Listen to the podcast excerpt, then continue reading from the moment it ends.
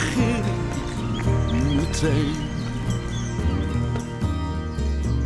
Dit is de podcast Morgen begin ik meteen, waarmee ik mannen wil inspireren fitter en gezonder te gaan leven. Voor de zekerheid, ik ben geen medicus, heb matig verstand van voeding, maar zette zelf een aantal jaar geleden de knop om en ik kan je verzekeren, dat is makkelijker dan je denkt. En leuker. In deze podcast interview ik andere mannen over hoe zij dat deden, ieder op zijn eigen manier tenslotte, en spreek ik soms ook experts over hoe je blijvend fitter en gezonder kunt gaan leven. Oh ja, ik ben Erik-Jan Bolsius. Ontzettend leuk dat je luistert. Nog een klein verzoek. Als je de podcast waardeert, zou ik het super vinden als je hem wilt beoordelen in je podcast-app. Dat zorgt ervoor dat meer mannen hem kunnen vinden. Ik heb het al vaker gezegd, maar nu doe ik het echt. Nog één en dan schijk ik er mee uit. Word een andere man nu het nog kan. Pak het aan. Morgen begin ik meteen. Wilskracht is een korte termijn kracht. Dus hoe kan je blijvend afvallen op wilskracht? Dat kan niet. Je hoort eetpsycholoog Saskia de Ridder.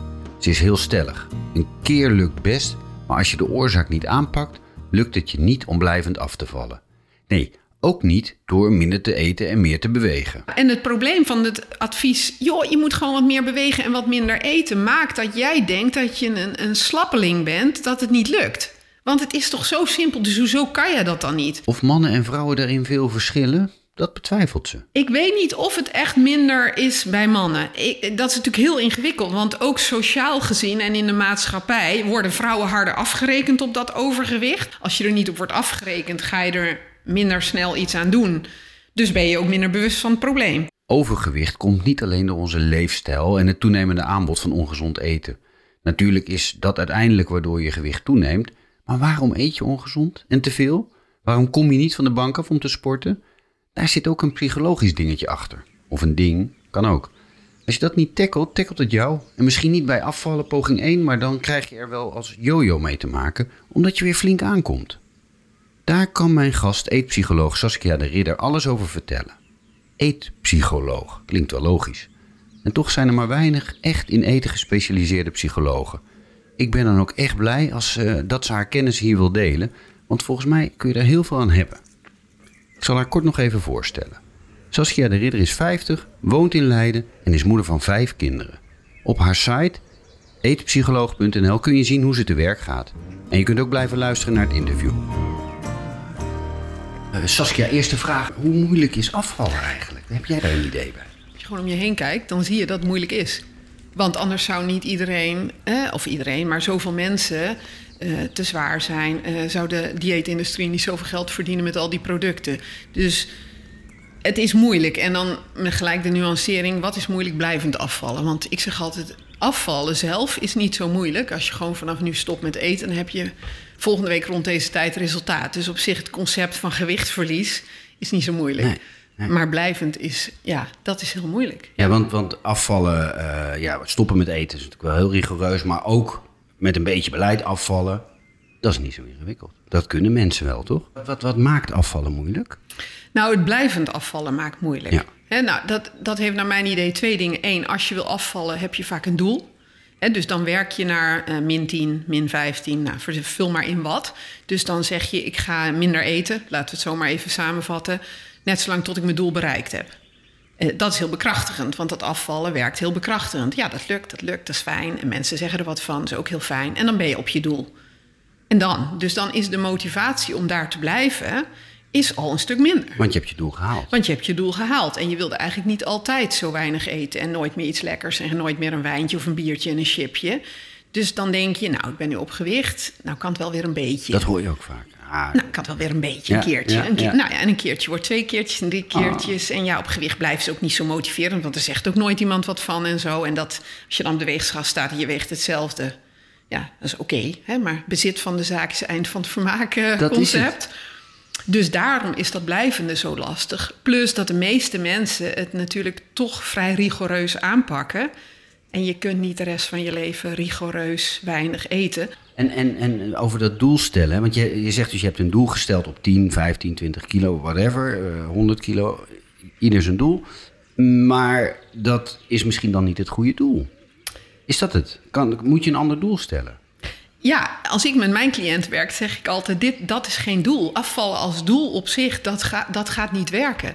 En wat zou dan wel werken? Of wat, ja, daar heb je advies bij, denk ik. Ja, mijn idee is zorg dat je een goede relatie krijgt met eten. En dan denk je natuurlijk, ja, wat is een goede relatie met eten? Uh, nou, waarin je voldoende eet om je lijf goed te laten functioneren. Hè? Want, want eten heeft natuurlijk twee stukken. Eén is, wat doet het met je lijf? Ja. Het is een stuk voeding, uh, bouwstoffen. En de andere is het genietaspect. En die twee dingen moeten in balans zijn, zodanig dat je voelt dat je lichaam optimaal functioneert. En mijn gevoel zegt dat genieten van eten eh, de laatste jaren gewoon cultureel, denk ik, de overhand heeft gekregen. Klopt dat? In ieder geval het idee van genieten. Ja. ja. We moeten er toch Ja. van kunnen genieten. Ik Ja. heb toch zo'n lekkere Precies. avond voor de boeg. En dat is dan met eten en drinken en veel. Dus de balans is doorgeslagen naar genieten. Dus Ja. het voedingsaspect is minder geworden. Nou, dat genieten gaat natuurlijk bijna altijd over dingen die dan ook meestal niet zo goed zijn voor je lijf. Mensen genieten zelden van een zak wortelen. Hè? Dat zeg ik ook. Het zou fijn zijn als je heel verdrietig bent en een, een emmer snoeptomaatjes doet hetzelfde voor je als een emmer ijs, zeg maar. Maar dat, dat is niet zo en ik denk ook niet dat dat ooit zo zal worden. Dus als dat genieten centraal staat, en dan kom je gelijk op wat jij net vroeg, dat afvallen is, dan moet ik dus minder gaan genieten. Nou, dan voel je al op je klompen aan. Dat voelt al niet als een hele fijne. Dus voortaan moet je gewoon minder genieten om je gewicht zo te houden. Dus zeg ik altijd, je moet gaan zoeken naar de balans. Waar wil jij zitten eh, tussen voeding, gezondheid en genieten op een plek dat je voelt, hé, hey, ik kan ontspannen met eten omgaan. Ik kan oprecht genieten. Maar als ik in de spiegel kijk... want ik vind de weegschaal, dat is een ander onderwerp... maar daar ben ik niet zo van. Maar als ik in de spiegel kijk... Hè, en ik, en ik, bui- ik voel me fit... en als ik in de spiegel kijk, denk ik... ja, dit is oké. Zo zie ik er goed uit. Ja, goed genoeg uit. Ja. En dan, eh, nee, eerst die weegschaal even. Waarom is die, is dat een ander onderwerp? Dan ben je, je bent geen fan Nou, van nee, ik ben weegschaal. geen fan van een weegschaal. Want die weegschaal... en eh, eh, natuurlijk als je heel doelgericht bent... is de weegschaal heel fijn. Is heel meetbaar, lekker resultaat. Maar één, hij doet maar één ding... en dat is namelijk gewoon feitelijk vaststellen... hoe hard de zwaartekracht aan jouw lichaam trekt. Dat je kunt, de, hij kan het goede getal aangeven... je kunt nog steeds ongezond zijn. Dus dat vind ik een hele belangrijke. Dus hij zegt eigenlijk niks. En wij hangen er alles aan op. Ja. En zeker vrouwen, hè, dat is misschien bij mannen anders, maar vrouwen hebben heel vaak een streefgewicht in hun hoofd. Dat dateert ook bij mij hoor. Ik ben, eh, hè, dat ik ergens nog het idee heb, nou toen ik 17 was en eh, zoveel woog, dat is eigenlijk wat ik wil. En eigenlijk accepteert een deel van mijn brein niet dat ik dus nu 50 ben en dat dat niet reëel is. Dus zolang de weegschaal dat gewicht van toen niet aangaf, blijft er altijd teleurstelling. Dus Die weegschaal is niet een goede informatiebron. Nee. Nee, nee. En die doet zoveel met je humeur. En dat hoor ik ook vooral van de vrouwen die erop. Hij zegt nooit wat je wil. Eigenlijk nooit.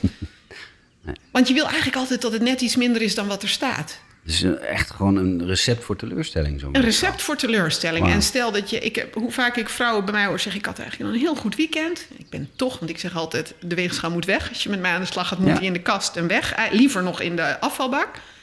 Eh, en dan zegt ik heb het toch gedaan, want ik had een heel goed weekend. Dus daar zit ook al, hè, ik heb goed Ja. gegeten. En dan gaan ze op de weegschaal staan. En dan was het weekend ineens niet goed meer. En dan was het weer precies Ah. dat. Het weekend was ineens niet goed. Maar ik zeg dus jouw gevoel, ik voel me goed, is niet waar. Doordat de weegschaal daar een getal aan hangt wat in jouw brein niet klopt met goed. Ik heb, de weegschaal, ik heb nooit een weegschaal in huis gehad. Ik ben naar een diëtiste gegaan eh, toen ik hulp zocht bij wel gezonder leven. Dat was mijn doel. Ja. Eh, niet per se afvallen, al was dat wel een eerste aanleiding hoor. Maar, maar in mijn achterhoofd zat ik wil gezonder en fitter zijn. Ja. Eh, en eh, zij had een weegschaal. Dus we hebben het wel bijgehouden. eh, Omdat dat wel een van de metrics was, of een van de cijfers was die we in de gaten hielden. Ja. Maar ik, ik, ik bedacht me toen ook van ja, ik ga niet elke week op de, of elke dag op die weegschaal staan thuis. Nee. Dan word ik helemaal gek van. Ja. Dus dat is, nou ja, dat was op, op gevoel, maar blijkbaar is dat ook Dat is een heel goed gevoel, ja. ja, ja. ja. Ehm, excuses bij het verklaren van overgewicht. Daar zat ik ook over na te denken vooraf. Hè? Want ik denk dat jij eh, veel mensen eh, hoort, je zei het net al, zo'n weekend dat mensen zeggen, nou ik heb eh, een heel leuk weekend gehad, maar ehm, wat zijn de mensen, wat zijn de excuses die jij zoal hoort over ik ben te zwaar? Ja, maar mijn, Ik ben een Bourgondier. Ja, hè? ja ik hou gewoon enorm van lekker eten. Ja. Eh, ik, hou, ik heb een heel rijk sociaal leven. Ik heb eigenlijk heel vaak etentjes, borrels, verjaardagen. Ja, kan ik toch niet niet eten? ja. Oké, ja.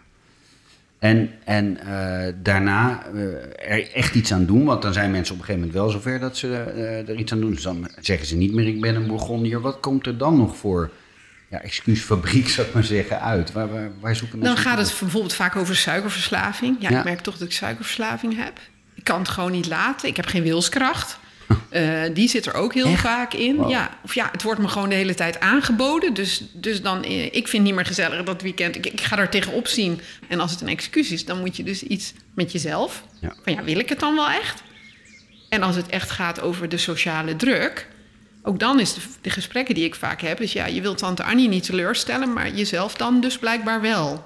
En dat is natuurlijk een interessante. En die gaat vaak, dan gaan we ook vaak gelijker naar de dieperliggende problematiek. Dan komt de psycholoog in jou eh, echt tot zijn recht. Want we hebben nu Precies. vooral je- de diëtist in jou eh, besproken. Precies, die er helemaal ja. is waarschijnlijk. Maar, Ja. maar het gaat veel meer over de redenen om Precies. te eten. En eh, daar zitten psychologische redenen achter. Precies. Wat, wat, wat is dat, waar zit dat dan? Want jij, jij bent eetpsycholoog. Wat, Ja. Wat ik gek vind trouwens, dat dat niet een, een heel breed bestaand beroep is. Want toen ik erover las, dacht ik, ja, zo logisch. maar je bent denk ik Ja. de eerste in Nederland die zich zo noemt. Of heb Nou, ergens- ik heb wel een enkele collega, maar het is inderdaad niet Nee, bekend. Nee, nee. Terwijl, en, en je kunt ook zeggen van ja, moeten we nou alles psychologiseren? Dat is de andere kant van. Maar, Ja. maar goed, dat heb jij gedaan. Je hebt gezegd, Ja. ik, ik, ik pak dit vak en ik ben. Omdat er blijkbaar zoveel psychologie achter eten zit. Ja, Is dat wat je. En, en wa- waarom eten mensen dan?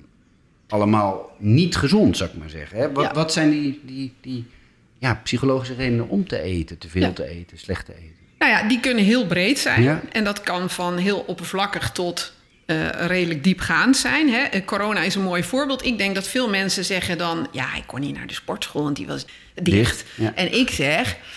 Nou, ik denk dat je gewoon verveelde zo achter die Zoom de hele dag. Want ik bedoel, wie niet? En misschien ook wel een beetje gestrest begon te raken... met die kinderen die je moest homeschoolen tussen de Zoom-meetings door.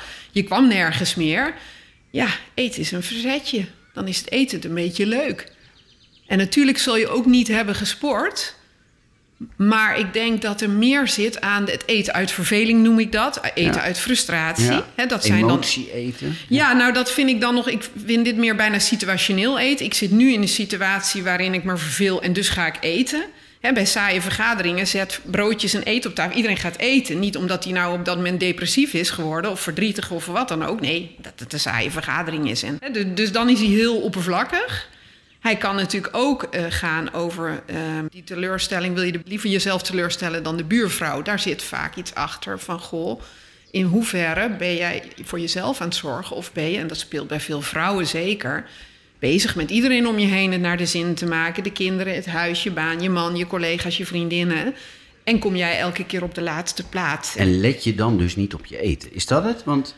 Nou, heel je- vaak is het dan de bekende aan het eind van de dag... nou, ik heb wel wat lekkers verdiend. Oh ja. Dus eigenlijk een soort beloning, compensatie. ja. Heb ik ook mannen in deze podcastserie al horen vertellen. Iemand die zei van ik heb een dag hard gewerkt in Antwerpen. Aart, bouwmeester, een van de eerdere afleveringen.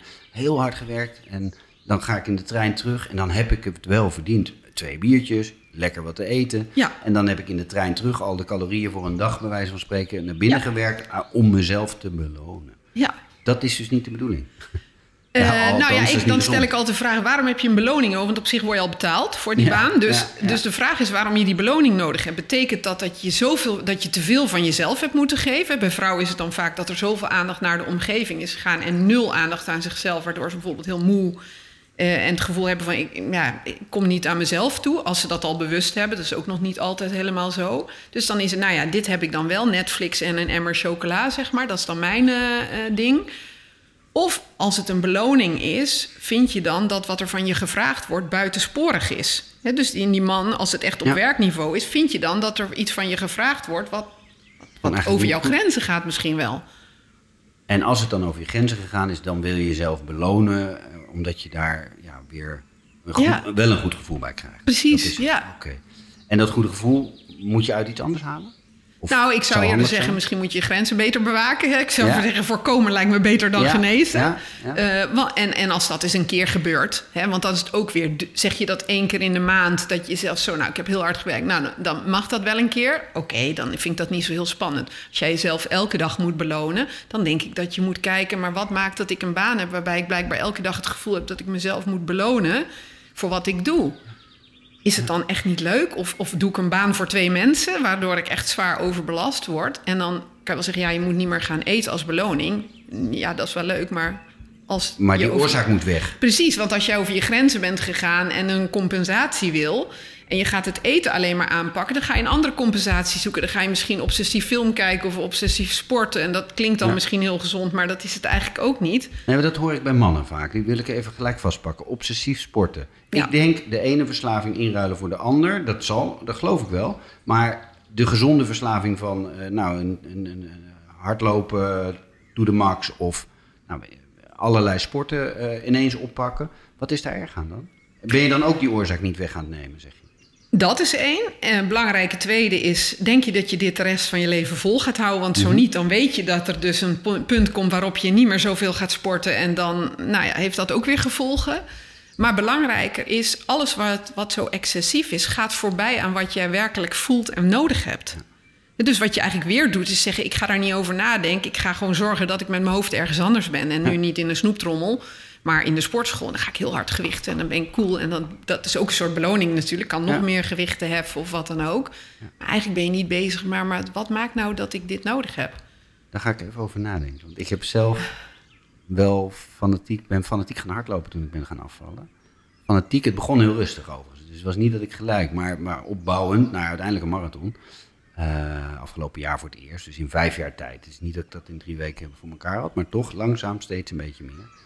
Ehm, en ik heb wel eens, ik zeg bijvoorbeeld wel eens, ik, ik maak mijn hoofd leeg met hardlopen. Ja. Lijkt me op zich niet verkeerd. Of, Nee, maar, de- maar ja, wat is fanatiek? Kijk, Ja. als jij tegen mij zou zeggen... ik loop vijf dagen in de week twee uur eh, eh, per keer behoorlijk hard hard... ja, dan zeg ik, nou, dat vind ik wel op het randje van dat ik denk, is dat nog... Maar als jij zegt, joh, ik loop twee, drie keer in de week hard... want ik wil over een half jaar een marathon. Ja, ja, dat klinkt redelijk gezond. Ja, ja. Ja, het is ook een beetje wat er past, denk ik, in je leven. En eh, tenminste voor mij, eh, maar ik krijg thuis wel eens het verwijt, moet je alweer. Hè? Dus, dus in die zin kan dat erop duiden dat ik vaker ga dan goed is Ja. voor mij en mijn omgeving. de andere kant roep ik dan, ja, maar dat is even mijn moment. Ja, Dus daar zit, ja, dat, nou ja, goed, zonder dat we mij nou heel moeten analyseren. Maar ik probeer Ja. dat even ook namens, hoop ik, de luisteraars die dit ook wel meemaken. Hè? Ja, dan ga je ineens zo fanatiek iets anders doen. ja. Ja, ik denk dan dus. Dat kan ook gezond zijn. Maar je zegt dus, als die basis, of als de, de achtergrond is iets wegstoppen wat je eerst met eten wegstopte, dan is het niet. Per Nou ja, se dus dan beter. vraag ik altijd, wat levert je dat op, dat fanatiek sport? Hè? Dus wat, wat haal je daaruit of wat doet dat voor je? Eigenlijk zoals ik ook zeg, wat doet dat eten dan? Als je s'avonds op de bank eh, eh, valt en je zet Netflix aan... en je pakt die emmer snoep, chips, whatever... wat levert je dat op? Want anders zou je het niet doen. Wij doen altijd iets omdat het iets oplevert. En wat levert het mensen dan op? Nou, dan komt er, want eerst zeggen ze dan natuurlijk, ja, is gewoon lekker. Ja. Ja, oké, maar dat is, dat is heel erg de oppervlakte. Maar dan verder. En als je dan wat verder gaat, dan is het ontspanning. Ja. Dus dus eh, afleiding. Als je iets in je mond hebt en dat smaakt lekker, dan al die stemmen, wat je allemaal nog moest doen, en dat je de was moest doen en dat je morgen weer zo'n drukke dag hebt en dat je eigenlijk al heel erg moe bent en opziet tegen morgen. Dat verstomt allemaal als je Netflix zit te kijken en ook nog lekker chips zit te kraken. Dan is er in je hoofd niet meer zoveel ruimte voor die stemmen. Dat is ook waarom het lastig is om te stoppen. Want als je stopt met eten, komt het weer terug. Ja. Dus blijven we eten tot we naar bed gaan. Want dan neemt de slaap het zeg maar uiteindelijk over. En dat kan je natuurlijk bij sporten dezelfde vraag stellen. Wat gebeurt er? Stel dat je echt vijf dagen in de week eh, twee uur in de sportschool als een beest keer gaat. Wat levert mij dat op? Behalve spierballen, want dat is hetzelfde als behalve lekker. Ja, dat is oppervlakte. En, want waar staan die spierballen dan voor? Wat is dat dan? En wat zou er gebeuren als je, dat, als je niet zou sporten? Wat zou er dan zijn? En Ja. daarmee ga je nadenken over, oh, als ik dan niet elke dag in de sportschool. Nou, bijvoorbeeld, dan zou ik me nutteloos voelen. Oké, dus het heeft iets te maken met dat jij graag nuttig bezig wil zijn. Ja, of, of ik wil graag eh, me goed voelen over mezelf, dat ik een prestatie neerzet. Dus dat het prestatie-element heel belonend voor je is. Oké, dan is ook weer de vraag, want als je geen prestatie zou leveren, wat, wat ben je dan? Ja, dat is de psycholoog. En dat Ja, is dan de ja. psychologie inderdaad. En Ja. dan is het dus, oh ja, ik vind eigenlijk dat ik een beetje een sukkel ben als ik niks doe. Oké, nou dat is interessant. Laten we dan daar eens naar kijken. Maar waar, waar komt dat vandaan? Waar ken je dat gevoel van? Nou, en dan, En als je dat analyseert met iemand dan, en daar komt inzicht uit, neem ik aan, ja. dan kan je veel meer de basis veranderen. ja, want dan kom je er vaak achter dat dit al hele oude patronen zijn... die zich telkens op een andere manier verkleden. waardoor je zelf vaak helemaal niet doorhebt... oh, dit is meer van hetzelfde.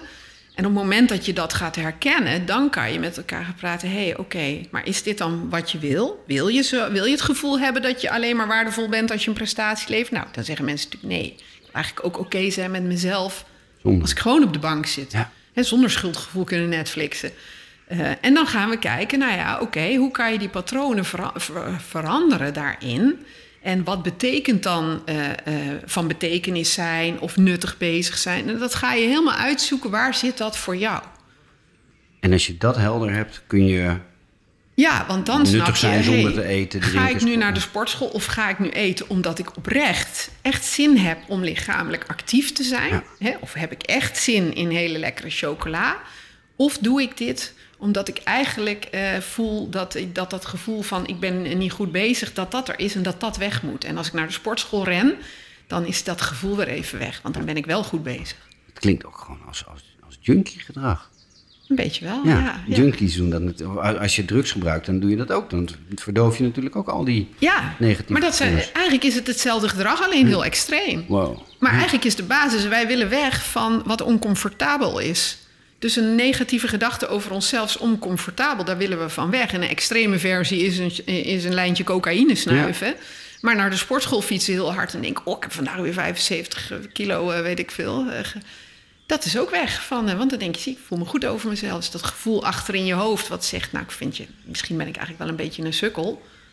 Ja, dat is dan ineens, Dat is dan even Ja. lekker naar de achtergrond. En daarom, ja, ik had dat in de voorbereiding ook bedacht. Jij schrijft over gewichtsprobleem en dan zet je dat tussen aanhalingstekens. Het is dus geen gewichtsprobleem. Ja, Nee, dat is een resultaat. symptoom. Ja. Ja. En het eten is dus ook een symptoom. Van, nog eens? Nou ja, van eigenlijk dus dat je niet oké bent met jezelf in de meest brede zin des woords. Ja. En daarvan weg wil. Hè, en een shopverslaving. eh, andere mensen zijn online de hele tijd eh, eh, dingen aan het kopen. Is er ook een vorm? En, en drinken is tegenwoordig ook een hele... dat is natuurlijk hetzelfde. En dat kun je oplossen. Als je dat wil, kan je daar een heel eind in komen. Ik zeg altijd, het zal altijd een zwakke plek blijven. Ehm, omdat die patronen vaak ook heel oud zijn. Dus helemaal weg krijg je die patroon niet. Maar als je meer bewustzijn erop hebt en denkt... oh, wacht even. Doe ik wil weer. nu eigenlijk weer naar de sportschool rennen... omdat ik eigenlijk iets vervelends heb meegemaakt op mijn werk... en weer even afvragen of ik geen sukkel ben... kun je ook zeggen, maar als ik weet dat dat aan de hand is... kan ik daar ook nu mee aan de slag... in plaats van wegrennen naar de sportschool. Of wegrennen naar een zak chips. En dat kun je met behulp van psychologie leren. Ja, dan ga je leren hoe ga je daar dan mee om. Op een andere manier. Die voor jou goed is. Is daar één manier voor? Heb je daar een boekje, eh, even tien regels om dat... Nou, eigenlijk het meest flauwe is altijd dat ik zeg dat dat gevoel er gewoon even mag zijn. Oké. Wij willen ervan weg, maar het is er al, zeg ik altijd. Hè? Je kan wel wegrennen van je gevoel, maar rent gewoon mee. Je haalt alleen je aandacht eraf. Dus de eerste, eigenlijk de eerste tip daarin is altijd voor iedereen... het is er al, mag het er gewoon zijn. Laat mag je gewoon wel eens denken... shit, ik heb vandaag een dag op mijn werk gehad... waardoor ik me afvraag of ik dit wel kan. Dat is een naar gevoel, ja. Nou, dat is ook gewoon even naar. En vervolgens bedenken, wat heeft dat dan nodig? En soms heeft het niet veel meer nodig dan dat gewoon even hardop uit te spreken. En dan denk je, nou, het is eigenlijk ook oké. morgen weer een nieuwe dag. Soms zit dat gevoel wat zwaarder. En dan is het misschien heel fijn om met een collega, een vriend... of met je partner bijvoorbeeld erover te praten. Of wat ik altijd tegen vrouwen zeg. Het is ook oké om gewoon een keer een knuffel aan je man te vragen... als je afvraagt of je er nog toe doet. Of te vragen, kun je me gewoon vertellen dat ik er toe doe... en me even stevig vasthouden. Nou, kunnen En mannen dan ook vragen, toch? Kunnen mannen ook vragen, uiteraard. Ehm, en dan kijken ze me soms ook wel een beetje soort verbaasd... van, oh ja, dat zou ook nog kunnen. Dus bedenk je eerst eens, wat is het? Wat zit erachter? En, en Ja. als je daar bewust van bent, dan kun je er anders mee omgaan. Ja. Ehm, er zijn mensen die eh, dit wel kunnen omdraaien, dat blijvend Ja. gezonder eh, leven. En er zijn ook mensen die, nou, die yo-yo hebben, dat noemde je in het begin van het gesprek ook al. Zit dat dan in het niet eh, echt onder ogen zien van je eigen, ja, van je redenen om te eten? Nou, kan twee dingen. Er zijn ook gewoon mensen voor wie eten de- deze functie niet heeft. Dus die gewoon eigenlijk nooit heel bewust daarmee om zijn gegaan... en gewoon te veel aten en daar gewoon nooit over na hebben gedacht. En dat als ze daar meer inzicht en kennis in krijgen... zeggen, oh, oh ja, maar dat kan ik ook wel anders... en er zit er verder niet zoveel emotionele lading op dat eten. Dat Dus kan. gewoon een ander eetpatroon klaar. Dat Ja, is dan kan, dan kan dus inderdaad een ander eetpatroon en wat meer bewegen al heel veel doen en ook blijvend. Maar de jojo'ers zijn, als jij een jojo'er bent, dan weet je eigenlijk al, dan is dat dus voor jou niet zo, want dan was het na de eerste keer opgelost. Dus als het dat niet is, dan weet je dat er bij jou dus een andere reden is die maakt dat je toch elke keer weer wil gaan eten. En dan is het veel interessanter en nuttiger om te gaan zoeken wat maakt nou dat ik daar elke keer in beland. En nou ja, iedereen die bij mij uiteindelijk in een traject belandt, zijn mensen die zeggen: er heeft nog nooit iemand aan mij eigenlijk echt gevraagd waarom ik dat doe, verder dan omdat ik het lekker vind. Dan vraagt nooit iemand door. Dus die psychologische kant van eten, daar, daar, gaat het ook weinig over. Dat hoor ik jou op LinkedIn of zie ik jou op LinkedIn ook schrijven. Hè? Daar, daar, krijg je veel aandacht voor, zie ik nu op LinkedIn. Hartstikke mooi. Blijkbaar raak je echt een snaar. Ja. Wat, wat, hoe kan dat nou? Hoe verklaar jij dat? Ja, ik denk dat er weinig bewustzijn op was. Behalve, hè, we zien wel natuurlijk bewustzijn op het moment dat iemand uh, uh, anorexia heeft. Dan wordt daar wel wat meer aandacht aan besteed. Van oké, waarschijnlijk zit daar wel wat meer achter dan alleen maar de wens om heel dun te zijn. maar op de een of andere manier, ja, ik weet het niet. Is misschien een stukje onbewustheid. Misschien ook het idee, ja, jeetje, is alles dan, zit alles tussen mijn oren. Hè? en ook de gewinning? Wel, het feit dat iedereen een beetje dikker aan het worden is. Uh, dat denk ik ook. Ja, tuurlijk. Ja, dus iedereen. En dan zeggen we. En, en, en dat is ook waar. Het helpt niet mee dat er 24-7 eten overal beschikbaar is. Dat helpt allemaal niet mee. We zijn ook niet meer zo goed geworden in dat het gewoon soms even niet leuk is. En mag dat ook? En dat is eigenlijk de vraag die ik altijd aan mijn cliënten. Mag het ook wel eens niet leuk zijn? Ja, ja. Kijken ze me een beetje raar aan. Een mooi liedje. Het is vaak heel vaak ingewikkeld. Eigenlijk mag dat dus niet. Mag je ook verdrietig zijn? Nou ja, eigenlijk niet, want het is een naar gevoel. Ja, maar je bent het al. Dus je kunt wel wegeten, maar... Brigitte Kaandorp heeft daar zo'n mooi liedje over. Ik, ik heb een heel zwaar leven. En dan, nou, die maakt dat zo grappig. Ja, nou, dan heb je even een zwaar leven. En ja. Dat is dus niet zo erg. Ja, nou, en dan hoor je inmiddels ook wel wat meer psychiaters, Dirk de Wachter en zo, die zeggen daar ook allemaal van: we zijn, we zijn afgeleerd om uh, ongelukkig te zijn. Maar ik denk dat dat ook komt omdat we weinig steun durven vragen in onze omgeving. Hè, en als het hele Instagram-leven. Uh, alles, is, alles is, leuk. Dus ga jij dan zeggen: ik, ik weet het soms niet. Ik twijfel soms aan mezelf. Nou, dat is ook niet gezegd. Ah, joh, kom op hier, neem nog een wijntje. Nou, Je hebt toch een topleven? En dat zeker de vrouwen, en dat zullen mannen denk ik ook herkennen, hebben dan wel eens ja. Ik heb ook eigenlijk niks om te klagen. Ik woon in een mooi huis. En ik heb, mijn kinderen zijn gezond. Ik ben gezond. Maar dat ik vind eigenlijk dat ik geen reden heb om te klagen. Maar dat knaagt wel iets. Maar er knaagt blijkbaar toch iets. Dus dat zeg ik dan ook. Het is er wel. En is er dan een groot verschil tussen mannen en vrouwen, denk jij? Ik denk, wat je net bijvoorbeeld zei, van dat, dat minder bewustzijn van eh, wat je eet en wat je aankomt. Ik denk dat veel meer mannen dat zo hebben. Dat, dat is een stelling, ik weet niet of het zo is, maar die gewoon ja, even twintig jaar niet opletten. Heb ik in eerdere podcast ook wel eens gezegd. En dan ineens 20 kilo te zwaar. Ja, ja. ja. Nou, ik weet niet of het echt minder is bij mannen. Ik, dat is natuurlijk heel ingewikkeld, want ook sociaal gezien en in de maatschappij worden vrouwen harder afgerekend op dat overgewicht. Dus ga je harder je best doen om het kwijt te raken. Dus loop je eerder tegen dit probleem aan. Als je er niet op wordt afgerekend, ga je er minder snel iets aan doen. Dus ben je ook minder bewust van het probleem. Dan ik bedoel, dat, dus dat is. En als meisje begint dat al heel jong, hè, vanaf de puberteit of soms al eerder, uh, word je daarop beoordeeld op je lijf. Dus is dat ook al veel sneller een thema. Dus ik, ik weet niet of het minder speelt bij mannen.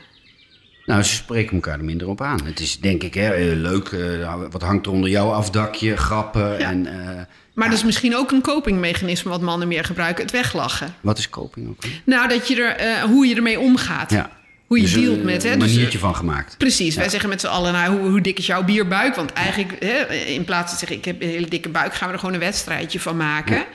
Uh, want dan, is het, dan kunnen we het weglachen.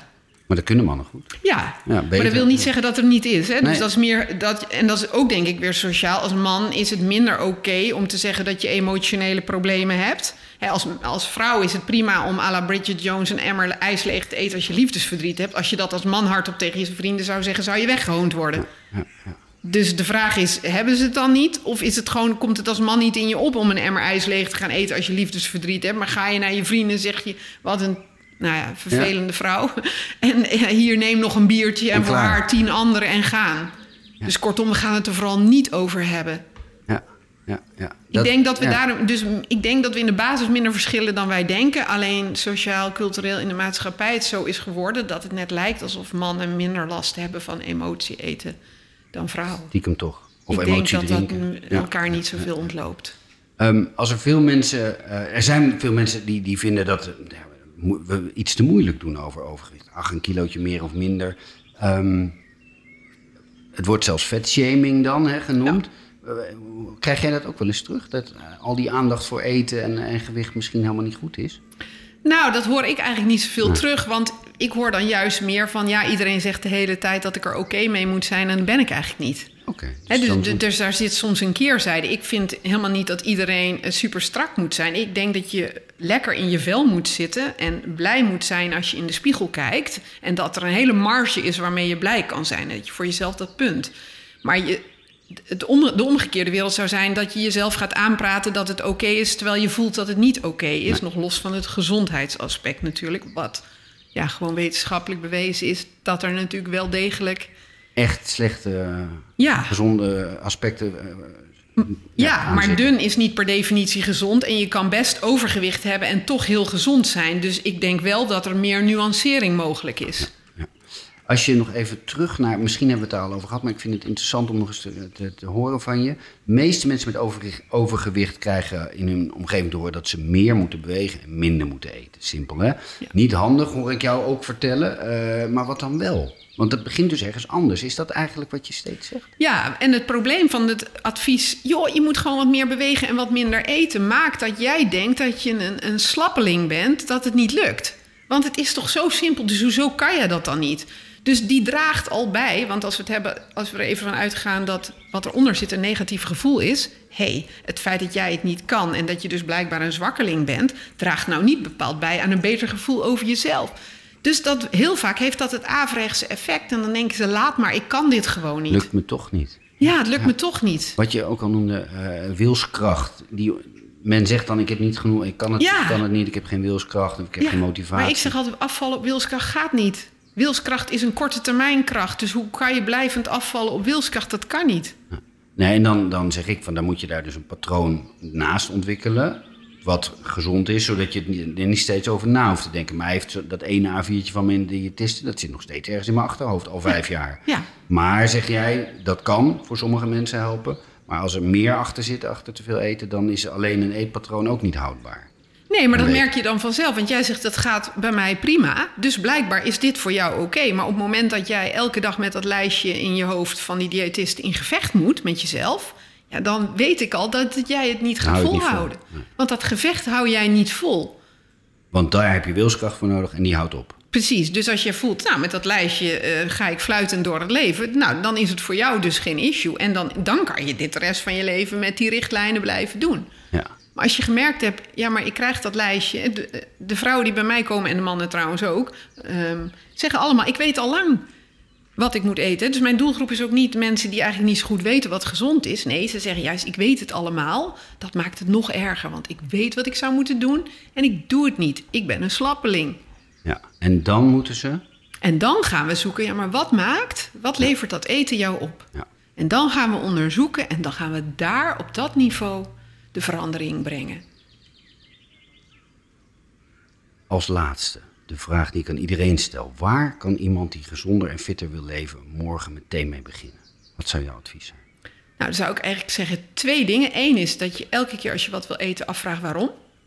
Elke waarom keer? wil ik... Nou, om Oh. eens mee te beginnen, om je Ja. bewustzijn wakker te eh, maken. Want wij eten de helft van de tijd zonder dat we door hebben. We Ja. hebben vaak al iets in onze mond gestopt zonder. En gewoon de simpele vraag, waarom eet ik nu? En dan kan je zeggen bij het ontbijt, ja, omdat het ontbijt is. Maar dat is eigenlijk een hele gekke reden, toch? Dat ontbijttijd is. Heb je honger dan?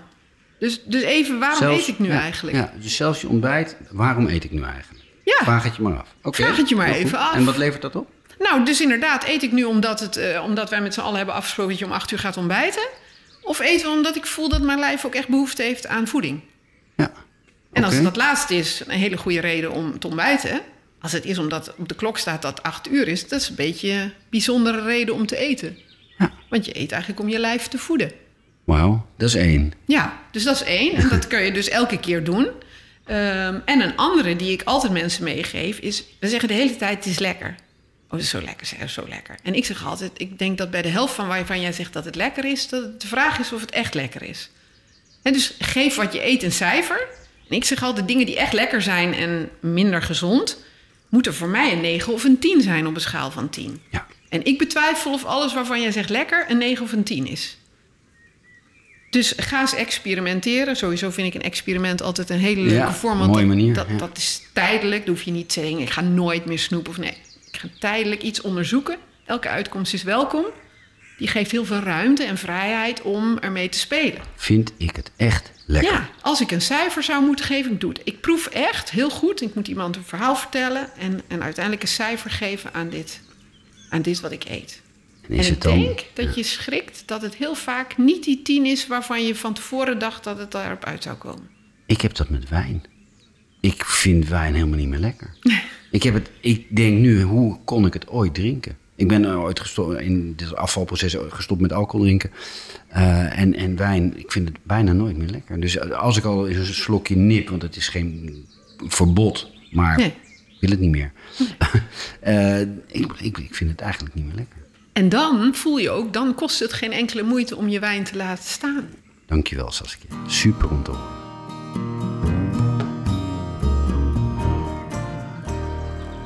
Of het nou die wijn is, of een gevulde koek, of een zak chips die je zonder er echt bij na te denken wegtikt. Wat zou er gebeuren als je er een cijfer aan zou geven? Wil je het dan nog steeds heel graag? Bij mij blijft oude kaas echt hoog scoren, altijd. Op een heerlijke verse zelfgesneden boterham van zo'n homp volkoren speldbrood. Zo lekker ja, wat Saskia vertelt komt ook wel bij me binnen. Want voor mij was afvallen vooral een gezondheidskwestie, dacht ik. Dus een eetplan van diëtiste Simone, je hoorde haar in de vorige aflevering, en meer bewegen en klaar was ik. Of zat er toch meer achter het feit dat ik mijn lijf matig verzorgde? Want dat is natuurlijk wel het geval als je 25 kilo meer weegt dan goed voor je is. Dan heb je te lang je gezondheid op de tweede, derde, vierde plek gezet. Ik weet niet hoe het bij jou is, maar als ik me dat al realiseerde, schoof ik het op mijn levensfase. Jonge kinderen, slecht slapen, weinig tijd om te sporten, eigenlijk vooral niet opletten. Eten als het vullen van een emotionele leegte? Ik denk het niet. Maar aan de andere kant, als je echt van jezelf houdt, zorg je ook beter voor je lichaam, denk ik nu. Zonder mezelf met terugwerkende kracht een trauma of een probleem aan te praten, ga ik daar toch beter over nadenken de komende tijd. Wat stopte ik weg achter het eten? En misschien nog wel achter het eh, inmiddels best fanatieke sporten? Ook zal ik vaker in de interviews in deze podcast ter sprake brengen waar dat, wat erachter zit bij andere mensen. Daar heeft dit gesprek met eetpsycholoog Saskia de Ridder sowieso voor gezorgd. Als je denkt dat ze iets voor jou kan betekenen, kijk dan vooral op haar site eetpsycholoog.nl. Je luisterde naar Morgen begin ik meteen, de podcast die je elke twee weken inspireert om gezonder te gaan leven. Heb je met plezier geluisterd en wil je andere mannen ook op het spoor zetten van een gezonder en fitter leven? Abonneer je dan in je favoriete podcast-app en like de podcast, zodat andere mannen ook morgen meteen kunnen beginnen. Over twee weken spreek ik Rick Lindhout. Die is inmiddels 67 en een paar jaar geleden viel die 25 kilo af. Dat begon toen hij merkte dat hij moeilijk van de bank afkwam. Rick wandelt en fietst inmiddels veel en blijft goed op gewicht. Ik ben altijd op zoek naar leuke gasten voor deze podcast, dus laat het me weten als je ook fitter en gezonder bent gaan leven. Of als je iemand kent die dat gedaan heeft. Mail je tips naar morgen begin ik meteen at gmail.com. Morgen begin ik meteen at gmail.com. Morgen begin ik